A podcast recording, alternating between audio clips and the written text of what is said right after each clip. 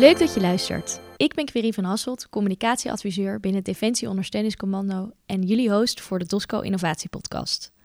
Al onze collega's doen het werk zo slim mogelijk, zodat we elke dag de beste ondersteuning kunnen leveren aan de krijgsmacht. Binnen de hele organisatie lopen initiatieven om dat werk nog slimmer, efficiënter, effectiever of gewoon leuker te doen. In deze podcastreeks interviewen we collega's die daarmee bezig zijn. Ben jij ook betrokken bij een innovatieve ontwikkeling en wil je daar graag over vertellen?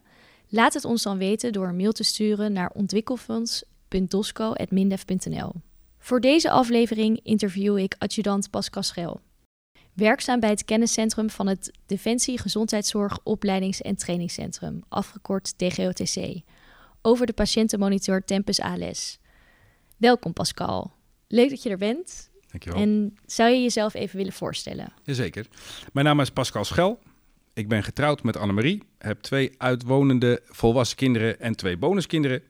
En ik werk al sinds 1993 bij Defensie, waarbij ik begonnen ben bij de Landmacht in 2007 en eh, overgestapt ben naar de luchtmacht als vliegverpleegkundige. En van daaruit op het uh, DGOTC terechtgekomen bij het kenniscentrum. Oké, leuk. En wat, doe, wat doe je dan nu precies bij het kenniscentrum? Mijn sectie houdt zich bezig met het adviseren van uh, de opkoos en uh, de onderdelen over uh, geneeskundig materieel en de geneeskundige uitrustingen. Ja, oké. Okay, dank voor deze introductie. En vandaag kom je ons wat vertellen over de Tempus ALS. En mijn eerste vraag is eigenlijk, wat is dat precies? Ja, uh, nou, ik, uh, ik, vertel er graag over. Uh, de Tempus ALS is de nieuwe patiëntenmonitor van de geneeskundige eenheden in de prehospitale keten. En de patiëntenmonitor houdt in dat we de mogelijkheid hebben om de patiënt te monitoren. Dus dat houdt in de vitale waarden zoals bloeddruk, hartslag, het zuurstofgehalte in het bloed kunnen meten. En dat hebben we eigenlijk altijd gedaan. Alleen deze monitor heeft nog een aantal extra's. Oké. Het is echt een innovatie op wat, wat er eerst was. Ja. ja, zeker. Deze monitor uh, heeft als extra's dat hij een uh, tactical switch heeft. Dat houdt in dat je bij het omzetten van die switch alle communicatiemodules uitzet. De verlichting gaat op heel erg donker en de geluiden gaan uit. En dat mag bij een uh, gewone burgermonitor mag dat niet, want dat is wettelijk vastgelegd dat dat ding alarm moet geven. Nou is het natuurlijk lastig als je uh, in een tactische situatie zit, uh, als er ineens belletjes en uh, lampjes gaan branden, of als je met je helikopter op opstijgt vanuit een donker gebied en dat je ineens een kerstboom door de lucht ziet vliegen. Daarbij heeft deze monitor een ingebouwde gewondenkaart, waarbij je, je alle handelingen kunt vastleggen zonder dat je dat voorheen moest opschrijven. Kun je nu op knopjes drukken. De, de monitor heeft de mogelijkheid voor het aansluiten van een videolaryngoscoop, een echo en uh, kan gebruik maken van telemedicine. Uh, telemedicine houdt in, in dit geval, dat wij livestream, dus real-time, de patiëntengegevens kunnen overzenden via internet uh, naar een arts.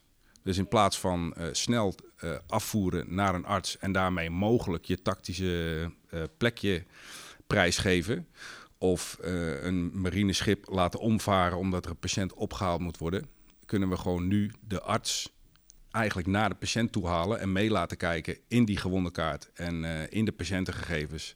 En mogelijk een beslissing krijgen van de, dat je nog even mag blijven zitten. Oh ja, dat is uh, super uh, handig. En hoe werkt dat dan precies? Want je zegt met, met, internet, maar ik kan me ook voorstellen dat je in sommige situaties niet altijd internet hebt. Of, he, of heeft dat apparaat dat wel? Dit apparaat kan, heeft eigenlijk wel altijd internet nodig. Hij kan verbinding maken via satelliet via militair radio, gsm en uh, wifi. Uh, hij heeft wel internet nodig om die arts mee te laten kijken. Uh, dat hoeft niet per se op dat moment te zijn. Dat kan ook iets later zijn op het moment dat het wel veilig is om een internetverbinding te maken. En het voordeel daarvan is, van deze Tempus, is dat de bandbreedte daarvoor benodigd heel erg klein is. Maar dat zijn we nog aan het beproeven. Oké, helemaal goed.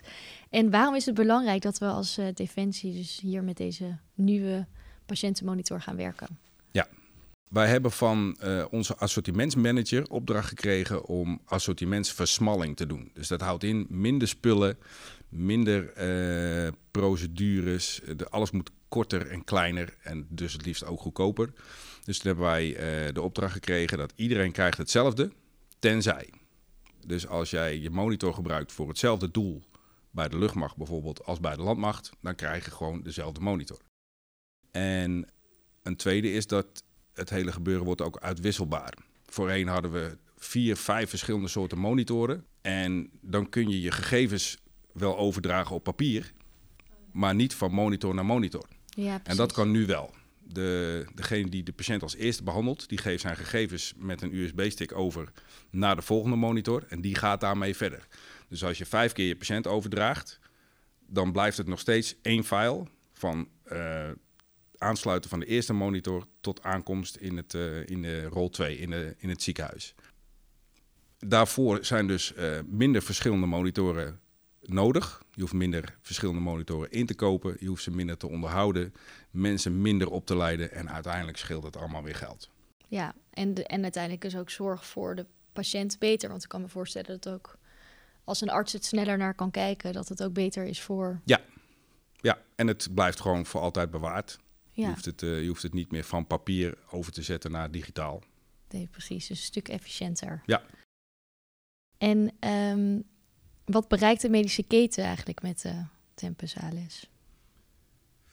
Nou, het belangrijkste wat de, de, medische keten hiermee bereikt is één, dat je de mogelijkheid hebt om de arts naar de patiënt toe te trekken zonder dat die arts daadwerkelijk aanwezig is.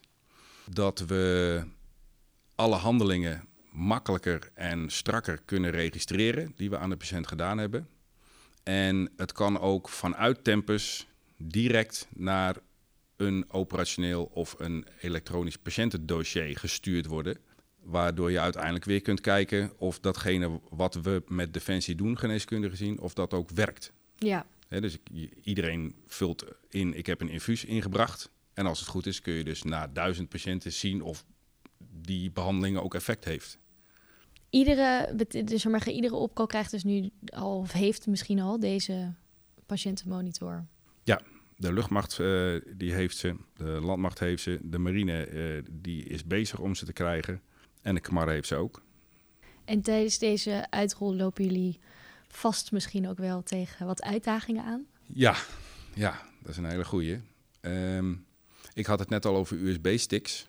Dat, dan kom je natuurlijk in het uh, domein van patiëntveiligheid en gegevensveiligheid. Um, daar moeten nog andere USB-sticks voor komen, zodat die gegevens ook veilig zijn en veilig blijven. Uh, USB-sticks kunnen wel eens kwijtraken. Um, het, een, ander ding is de ophangsystemen voor de monitoren. En de, als je in het voertuig inloopt, zet je de monitor in een houder en dan wordt die opgeladen of in ieder geval vastgehouden. Een nieuw fenomeen daarin is het woord blast test. Daar hadden wij uh, nog nooit van gehoord. Maar als een voertuig op een mijn rijdt, dan moet alles wat in zijn houder zit, wel in zijn houder blijven zitten. En dat moet nog getest worden, dat wordt nu berekend.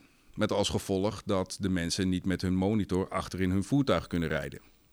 Uh, voor de nieuwe Bushmaster uh, panzervoertuig gewonnen transport is het wel al geregeld. Voor de nieuwe Manticore gewonnen transport die over een aantal jaar binnenkomt, uh, wordt die meegenomen. En voor de Boxer gewonnen transport zijn ze nu mee bezig om, om te kijken hoe dat ingebouwd moet worden. Alleen de huidige ziekenauto's, die laten nog even op zich wachten. Oké, okay. nou, spannend. En, um, maar met, inderdaad met het AVG, hoe waarborgen jullie dat dan? Um, Defensie is samen met Philips bezig om een uh, verwerkingsovereenkomst uh, voor elkaar te krijgen. He, de, de, daar staat in hoe Defensie en Philips onderling met die opgeslagen en verzonden digitale gegevens om zullen gaan.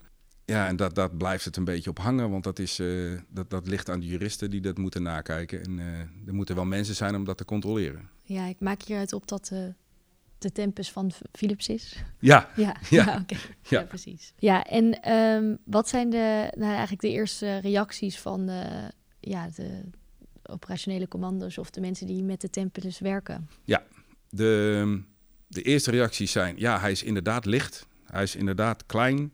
Uh, wat mooi dat die tactical switch erop is en wanneer kunnen we de telemedicine gaan gebruiken. Ja, dan moeten we de mensen toch eh, gaan uitleggen dat ze nog even moeten wachten totdat die kleine stapjes allemaal genomen zijn. En, en wat bedoel je precies met telemedicine? Telemedicine is eh, dat verhaal over het eh, op afstand de arts Oké, eh, benaderen.